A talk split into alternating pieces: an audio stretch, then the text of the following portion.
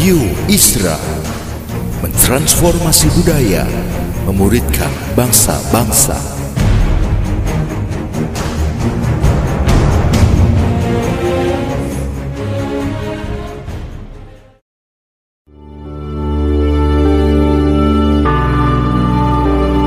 Apostolic Prophetic Messages mengungkapkan pesan dan arahan dari hati Tuhan bagi gerejanya demi menuntaskan mandat kerajaan Allah di Indonesia dan bangsa-bangsa.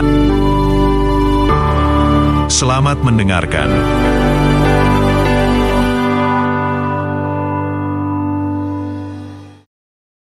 Awal tahun ini kita tahu bahwa uh, tahun ini bukan tahun yang mudah sekali, tapi berapa banyak kita bisa mengatakan Wow, thanks God 2020 apa pun pergumulan kita, apa pun tantangan di tengah-tengah pandemi COVID-19, saya percaya bahwa kita semuanya bisa memasuki 2021 dengan kasih anugerah daripada Tuhan. All the glory, semua segala puji dan hormat hanya bagi Tuhan. Saya sendiri nggak tahu apakah bisa memasuki 2021, frankly speaking. Saya masih ingat Desember yang lalu kita mengalami begitu banyak goncangan demi goncangan. Ya tidak sekedar keluarga Anda, keluarga kami khususnya dari keluarga istri saya. Pada waktu bulan Desember kita telah memasang uh, pohon Natal di rumah, tiba-tiba kita dapat kabar papa mama mertua saya, orang tua daripada istri saya Ibu Jenny uh, kena COVID. Mereka umur 85 tahun, uh, mama mertua umur 80, lalu dua adik di Semarang juga kena COVID, rata-rata semua kena COVID, pembantu kita tiba-tiba panik panic attack. Kita nggak tahu. Kita sempat sedikit argue, sedikit, sedikit berantem sama istri saya. Sebagai anak dia ingin ke Semarang. Sebagai suami saya katakan nggak mungkin nothing we can do. Mereka dalam zona yang sangat merah sekali dan kita bergumul bersama-sama. So guys, I know how you feel. Mungkin selama 2020 ada yang kehilangan keluarga, mungkin 2020 ada yang kehilangan pekerjaan. Saya merasakan itu dari 1 Desember sampai 31 Desember New Year's. Melihat kedua orang tua kami, melihat keluarga kita dan juga teman-teman dan saya menghadapi sendiri tapi kita tiba-tiba dengan kasih karunia Tuhan, Tuhan adalah ya dan amin janji-janjinya. Ayah kami, papa mertua bisa negatif, udah umur 85, mama negatif, semuanya negatif. Sehingga kita bisa ke Semarang dan kita bisa visit mereka dan kita bersama-sama walaupun ayah kami masih masih battling dengan dengan paru-parunya. Tapi kita seluruh keluarga masih boleh diizinkan Tuhan untuk memasuki 2021. A greater destiny. Setiap awal tahun selalu dipenuhi dengan ramalan demi ramalan selalu dipenuhi dengan dengan dengan uh, semua berita baik itu konsultan demi konsultan daripada BUMN atau McKinsey atau Boston Consultant tentang prediksi ekonomi dan lain sebagainya. Bahkan berjamuran tuh paranormal paranormal tidak sekedar di Indonesia tapi di negara barat itu udah di mana-mana semua pada dengar paranormal. Bahkan banyak hamba Tuhan juga pura-pura bernubuat tapi bukan daripada Tuhan memprediksikan siapa pemimpin Amerika, siapa pemimpin Indonesia, and many of them are false karena kita tidak mendengarkan benar-benar suara Tuhan lewat firman-Nya, hanya imajinasinya. Begitu banyak salah perkiraan demi salah perkiraan. Eh, beberapa tahun yang lalu sebuah cerita tentang salah perkiraan yang dibuat oleh para pakar-pakar, para tokoh-tokoh. Saya ingat pada waktu Beatles mulai lahir dengan gitarnya. Ini dikatakan ah kelompok bergitar ini pasti tidak laku di pasaran. Penyanyi bergitar sedang turun. Itu yang ngomong pakar perusahaan rekaman. Ada yang mengatakan ya eh, saya rasa pasaran dunia terbuka eh, hanya dengan lima orang saja yang membeli komputer seperti ini. Komputer tidak akan laris di dunia. Itu dikatakan oleh chairman of the board IBM 1943. Ada yang mengatakan ya telepon begini terlalu banyak kelemahannya untuk dipikirkan secara serius sebagai alat komunikasi. Alat ini tidak ada nilainya bagi kita. Ada yang mengatakan, ya Kuda akan terus dibutuhkan guys, tetapi mobil hanya sebagai hobi baru. Itu pada waktu Henry Ford menemukan mobil. Dikatakan ngapain funding e, mobil yang sebagai hobi sementara saja. Ada yang mengatakan, ah televisi tidak akan bertahan di pasaran. Paling cuma enam bulan, orang segenlah bosen memandang kotak kayu setiap malam. Church, tidak sedikit para pakar salah memperkirakan masa depan. Sesuatu yang akan meledak, tapi dianggap sepele, tidak diperhitungkan. Ya udah, ke sera-sera, whatever will be, will be.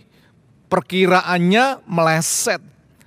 Saya sering kali merenungkan banyak anak Tuhan juga mungkin memasuki 2021 dengan Eh, perkiraan-perkiraan yang tinggi, salah nantinya, segala resolusi demi resolusi yang pernah kita buat dan sebagainya. Walaupun mimpi itu baik dan sebagainya. Tapi saya ingin ajak untuk kita melihat, untuk kita bisa meneropong dari apa yang firman Tuhan katakan. Greater Destiny 2021 untuk seluruh jemaat AFGF di mana pun Anda berada. Kita akan belajar dari kitab Petrus 1 dan 2 Petrus.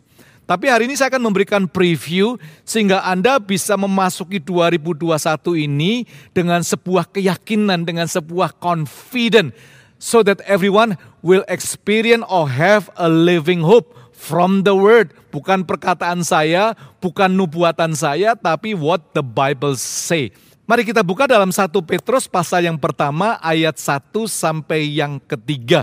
Ayo seluruh jemaat Tuhan di mana pun Anda berada, open up your Bible. 1 Petrus pasal yang pertama ayat 1 sampai ayat yang ketiga. Dari Petrus, Rasul Yesus Kristus kepada orang-orang pendatang yang tersebar di Pontus, Galatia, Kapodekia, Asia Kecil, dan Bitania.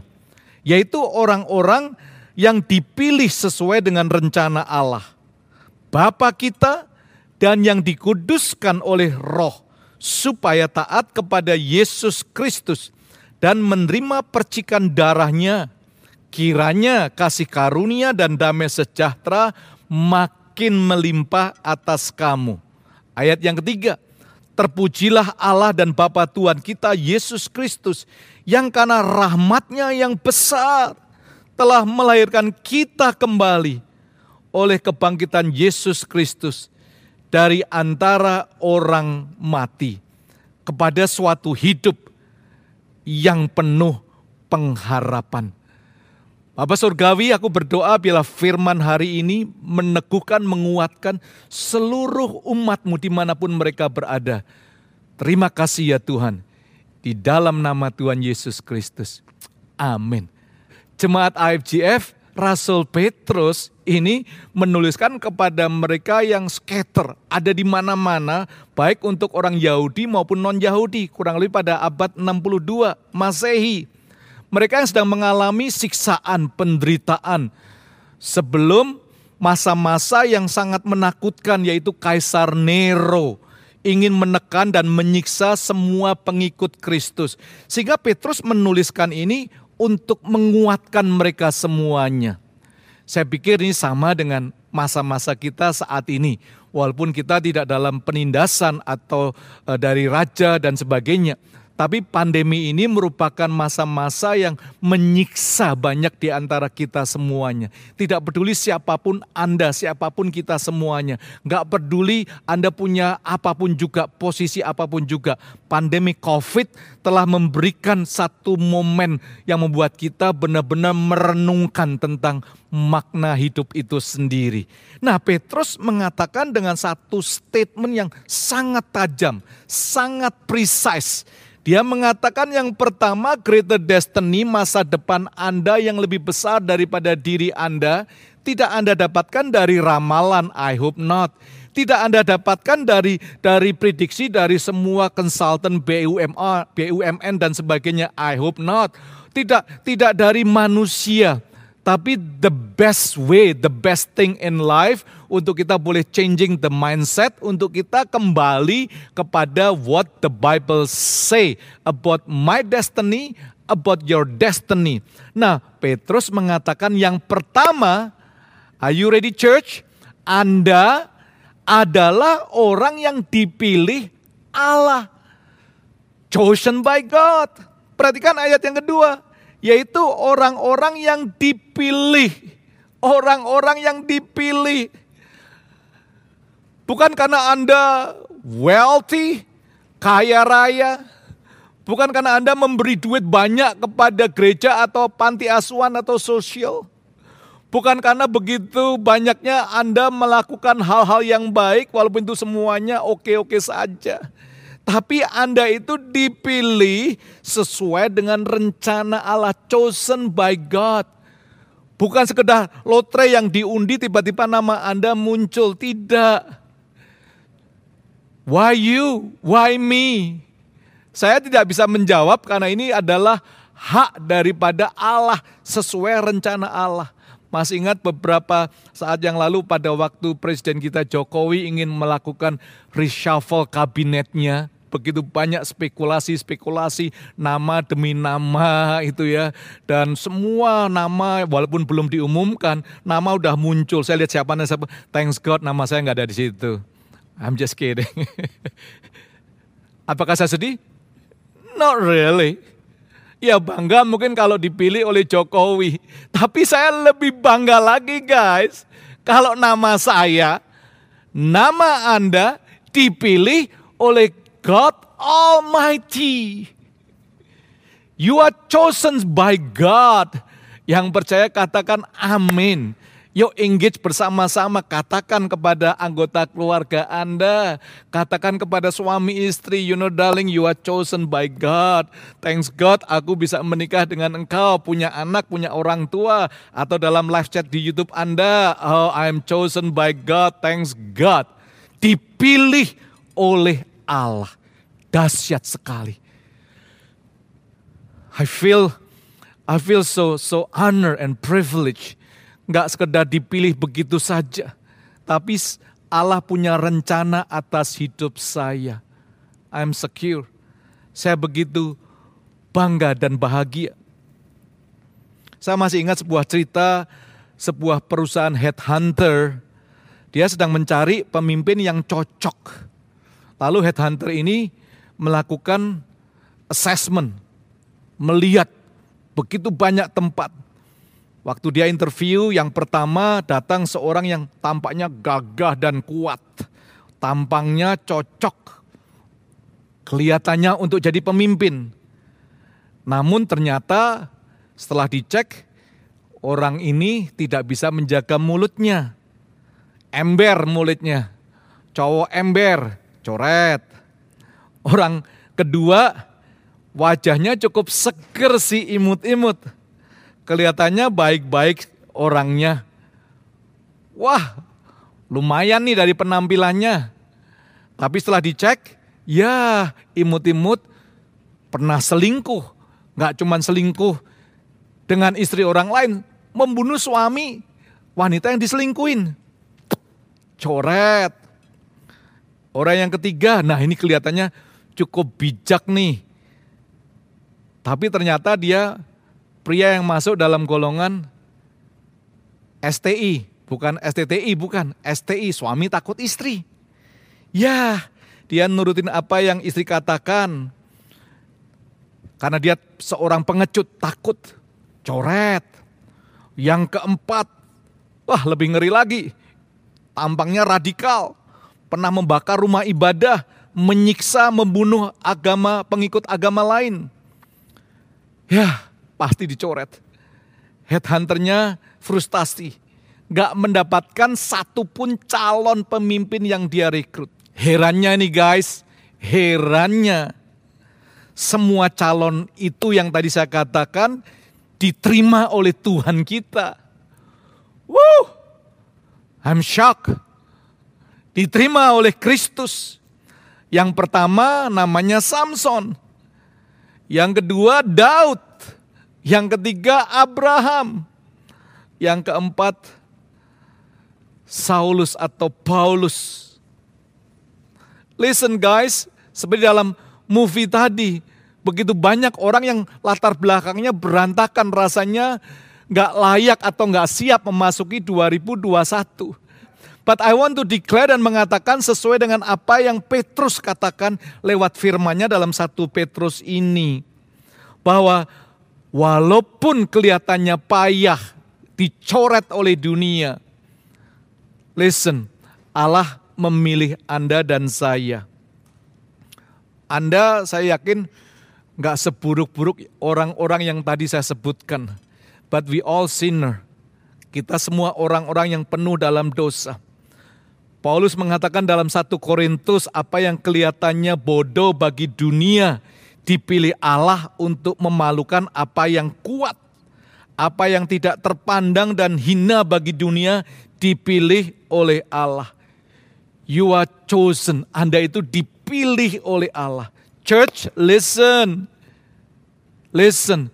This is your identity. Ini adalah jati diri Anda. Saya nggak peduli orang lain melabel Anda apa pun juga. Saya nggak peduli masa lalu Anda, your past failure, your past mistake. Saya nggak peduli kebodohan Anda masa lalu. Saya nggak tahu dan nggak peduli berapa kotornya 2020 pergumulan Anda. Ayo 2021, Anda dan saya boleh melihat a greater destiny. Anda bisa katakan, God thank you. You chose me, engkau memilih aku ya Tuhan. Da Vinci melukis Mona Lisa. Beethoven mengkompos one fifth of simfoninya. But God made one version of you. He custom designed you. Listen, church, IFGF, His design defines your destiny. God is crazy about you. Dia tergila-gila tentang Anda. Dia nggak cuma memilih begitu aja kalau ada baca detail ayat yang ketiga itu paketnya paket super. Paketnya paket begitu dahsyatnya. Nggak sekedar dipilih biasa begitu saja. Dikatakan itu dikuduskan, dipercikan oleh darahnya, dipenuhi dengan kasih karunia, damai sejahtera dan lain sebagainya. Kita akan membahas detail nanti dalam perjalanan 2021 ini. Listen, jemaat IFJF di mana pun Anda berada, you are loved by God, chosen by God, called by God, and for God. Untuk Allah semuanya. Yang kedua yang membuat saya begitu bersemangat, membuat saya begitu punya pengharapan yang luar biasa 2021 ini. Saya ingin katakan kepada kita semuanya bahwa destiny Anda dimulai saat Anda encounter with God. Gak sekedar dipilih lalu kita nggak tahu what to do.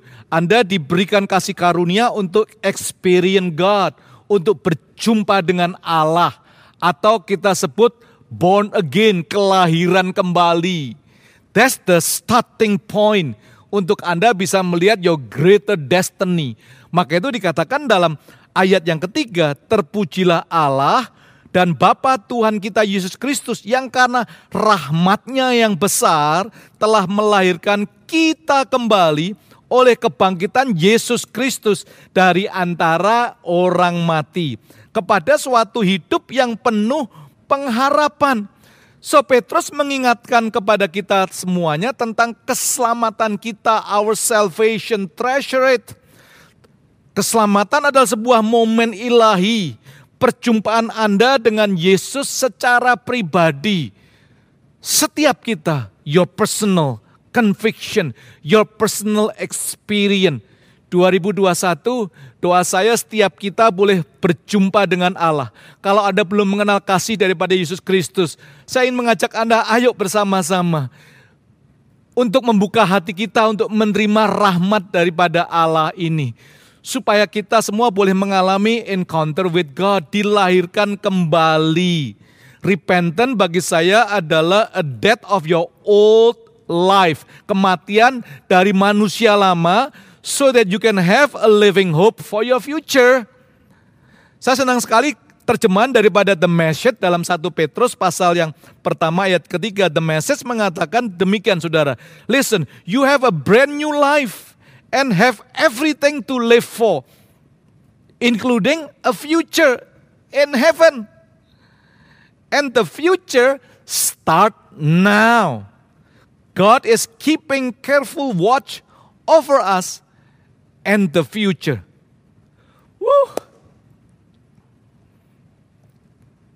encounter with God. Supaya Anda bisa mendapatkan brand new life. 2021 tinggalkan semua baggage 2020 apa pun yang terjadi. Start now. Your future start now. Encounter with God. Experience the presence of God. Saya selalu mengatakan seperti Musa, Tuhan aku tidak akan melangkah kalau hadiratmu tidak bersama dengan aku.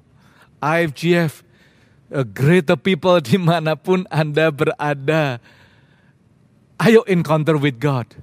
Don't take it so lightly. The experience of born again. You have to know Anda lahir baru for the purpose. Saya ingin tunjukkan sebuah video nanti, sebuah cello yang luar biasa. Cello yang harganya termahal di dunia. Dibuat oleh Antonio Stradivari, General Kit. Mungkin ini adalah tidak mungkin, sudah pasti cello yang termahal. Konon harganya sekitar 9,5 juta, 6 sampai 9 juta US dollars. Tapi cello ini hampir saja digergaji untuk menjadi rak penyimpanan CD. Bisa bayangkan nggak saudara? Cello yang harganya 6 sampai 9 juta mau digergaji dijadikan tempat rak CD. Nah ceritanya begini nih, karena pada waktu itu cello ini dibeli oleh Los Angeles Philharmonic Orchestra. Seorang pemain utamanya Peter Stump, dia membawa cello ini General Kit ke rumahnya untuk latihan, tapi setelah latihan dia lupa ditaruh di serambi rumahnya. Eh, konon cerita dicuri oleh orang.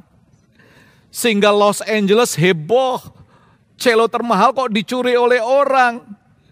Lalu semua pada panik. Nggak tanggung-tanggung, TV, radio mengatakan kalau yang menemukan cello General Kite diberikan hadiah 50 ribu US dollars.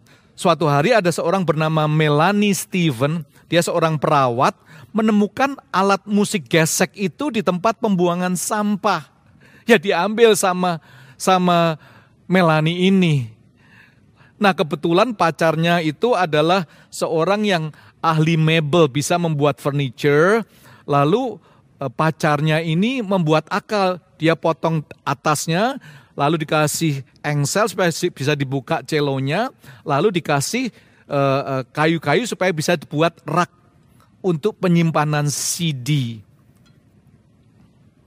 Mereka nggak menyangka bahwa celo tua itu adalah General Kite. Nggak nyangka. Sampai mereka melihat TV. Ternyata celo itu sedang dicari. Thanks God, belum sempat digergaji. To make a story short, it takes satu tahun untuk repair the General Kite buatan Antonio Stradivira. Setahun. Sehingga bisa mengeluarkan suara yang begitu indah. Nah saya yakin sebenarnya General Kite juga bisa menjadi rak CD sih. Betul nggak? Cukup antik, keren, apalagi zaman sekarang yang old-old akal akan muncul kembali. 350 tahun tidak ada yang menandingin cello General Kite ini. Karena selama bertahun-tahun cello ini mengisi acara-acara di istana dengan suaranya yang begitu merdu. You can watch this video. Kita bisa melihat bagaimana cello ini mengeluarkan suara emasnya.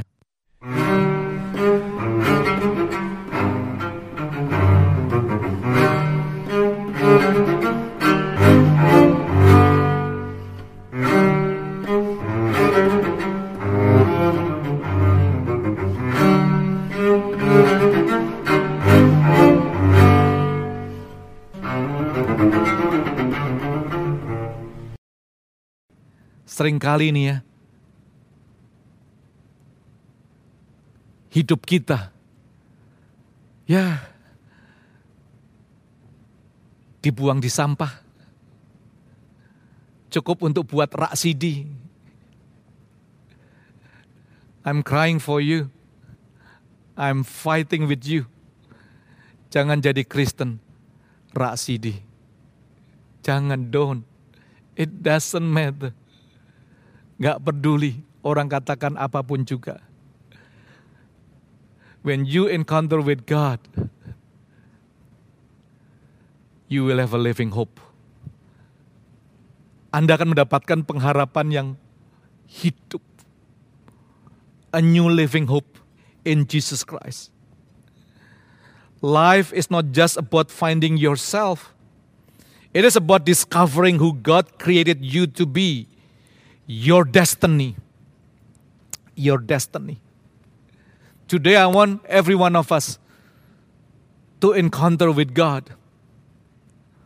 Saya ingat orang ini setiap hari kerjanya mancing ikan. Memang itu diwarisi dari orang tuanya yang adalah nelayan. Setiap hari kerjaannya memang mancing ikan. Tapi suatu hari dia bertemu dengan seseorang yang mengatakan, "Hey Simon, follow me, ikutlah aku. I will make you fisher of men." Simon terkejut. Penangkap ikan diajak naik tingkat menjadi penangkap manusia. Simon Petrus bertemu dengan Yesus Kristus. You know the story. Dia dilatih oleh Tuhan. Anda tahu pergumulan daripada Petrus? Satu hari yes, satu hari lagi menyangkal Tuhan. Satu lagi Tuhan, kalau itu you, dia mengalami berjalan di dalam mujizat Allah, dalam waktu yang sama tenggelam di dalam imannya yang bocor. But Jesus dia mengatakan, you follow me, I will make you. Jesus dalam bisnis untuk membuat Anda dan saya untuk menjadi orang yang dipilih, dipersiapkan untuk mengalami tujuan yang penuh dengan kehebatan, yang penuh dengan kehebohan, bukan tentang kita, tapi tentang Allah yang mengerjakan dalam kehidupan kita. Suatu hari Petrus berdiri mengeluarkan suaranya seperti cello General Kit 3000 orang bertobat dipenuhi Roh Kudus. That was the birth of the Church of Jesus Christ. Itulah kelarian daripada gereja Tuhan. My prayer untuk seluruh jemaat IFGF. Listen. Kita tidak tidak menubuatkan sesuatu, tapi kita melakukan aja apa yang firman katakan. Supaya kita bisa menyuarakan suara-suara emas daripada kebenaran, daripada firman Tuhan ini. Karena Anda dipilih, Anda mengalami perjumpaan dengan Tuhan bukan untuk membuat kita happy, lebih baik daripada orang lain. Yang ketiga yang saya katakan, greater destiny. Anda dipilih untuk menjadi pembawa kabar baik. Untuk menjadi pembawa kabar baik. Petrus mensummary di dalam 1 Petrus 2 ayat 9. Ingat, kamulah bangsa yang terpilih, imamat yang rajani, bangsa yang kudus, umat kepunyaan Allah sendiri, supaya kamu memberitakan perbuatan-perbuatan yang besar dari Dia yang telah memanggil kamu keluar dari kegelapan kepada terangnya yang ajaib. Kamu yang dahulu bukan umat Allah tetapi yang sekarang telah menjadi umatnya. Yang dahulu tidak dikasihi tetapi yang sekarang telah beroleh belas kasihan. Dipilih untuk menjadi pembawa kabar baik gospel carrier. Saya, Anda, kita semuanya diajak untuk membawa kabar baik. Deliver a good news untuk orang-orang sekitar kita, keluarga kita, tetangga kita. Bahasa Inggrisnya sebenarnya sedikit berbeda teman-teman. Dikatakan, but you are a chosen generation. Bahasa Indonesia-nya nggak ada ini. Chosen generation, generasi terpilih. So ayat ini bukan untuk orang dewasa saja. Ayat ini bukan untuk orang orang eh, remaja saja, tapi every generation. Baik mulai dari kids, TYC, YP, umum, lansia, umur berapapun juga. You are a chosen generation, royal priesthood a holy nation, his own people, that you may proclaim the praises of him. Listen baik-baik, you are chosen to tell about the excellent qualities of God. Ayo ceritakan keistimewaan daripada Tuhan kita. Saya akan akhiri dengan sebuah cerita yang membekas dalam hidup saya. You don't have to be a preacher, you don't have to be orang yang besar bagaimana yang harus ada di surat kabar setiap hari. You just you just be you. Jadi diri Anda sendiri. Seorang yang sudah cukup umur namanya Don Ritchie. Don Ritchie ini orang Australia tapi dia mendapatkan begitu banyak penghargaan. Dia dapat penghargaan sebagai Man of the Years di Sydney. Nah Don Ritchie ini cukup unik, dia tinggal, dia memilih tempat yang uh, dikatakan di Sydney itu ada sebuah bay yang namanya The Gap atau Watson Bay. Nah Watson Bay indah, tapi di situ sering kali tempat di mana dipakai orang yang mau bunuh diri. Pemandangan indah tapi dia tidak bisa melihat keindahannya lalu bunuh diri. Don Ritchie ini setiap pagi dia keluar dari rumahnya melihat apakah ada orang yang berdiri di tepi tebing. Kalau ada dikatakan, hai, aku Don Richie, yuk kita minum teh, minum kopi bersama-sama di rumahku yuk. Every single moment, every day, dia selalu keluar melihat, menungguin kalau ada orang yang berdiri di tebing Watson Bay, The Gap. Lalu diajak ke rumah daripada Don Richie. And then minum kopi, tea. And then Don Richie menceritakan kehidupan yang penuh makna. Mengunlock greater destiny orang tersebut. Dikatakan 160 orang yang mau bunuh diri pernah diselamatkan oleh Don Richie ini. This story really touch me. Dengarkan baik-baik. Everybody can be great because everybody can serve. Itu perkataan daripada Martin Luther. Melayani itu menjadikan hidup Anda lebih besar daripada diri Anda sendiri. Dipilih oleh Allah, berjumpa dengan Allah, supaya Anda bisa menjadi pembawa kabar baik, kabar baiknya Allah.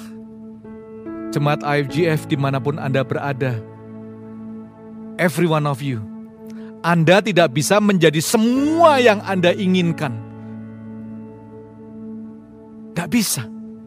Tapi Anda bisa menjadi semua yang Tuhan inginkan. Repeat, Anda tidak bisa menjadi semua yang Anda inginkan tapi Anda bisa menjadi semua yang Tuhan inginkan. Greater Destiny 2021. Doa saya, let your story become God's story. Biarlah cerita Anda boleh menjadi ceritanya Tuhan. Mari kita berdoa bersama-sama. Bapak Surgawi, terima kasih buat hari ini terima kasih Tuhan Greater Destiny yang dilandasi lewat 1 dan 2 Petrus 2021 kami ingin lewati bersama-sama Tuhan. Terima kasih karena setiap kami adalah orang-orang yang kelihatannya dan memang benarnya sebenarnya tidak layak tapi Engkau telah memilih kami dan kami boleh mengalami perjumpaan dengan Engkau dan izinkan kami membawa kabar baik itu kepada semua orang yang ada di sekitar kami ya Bapa.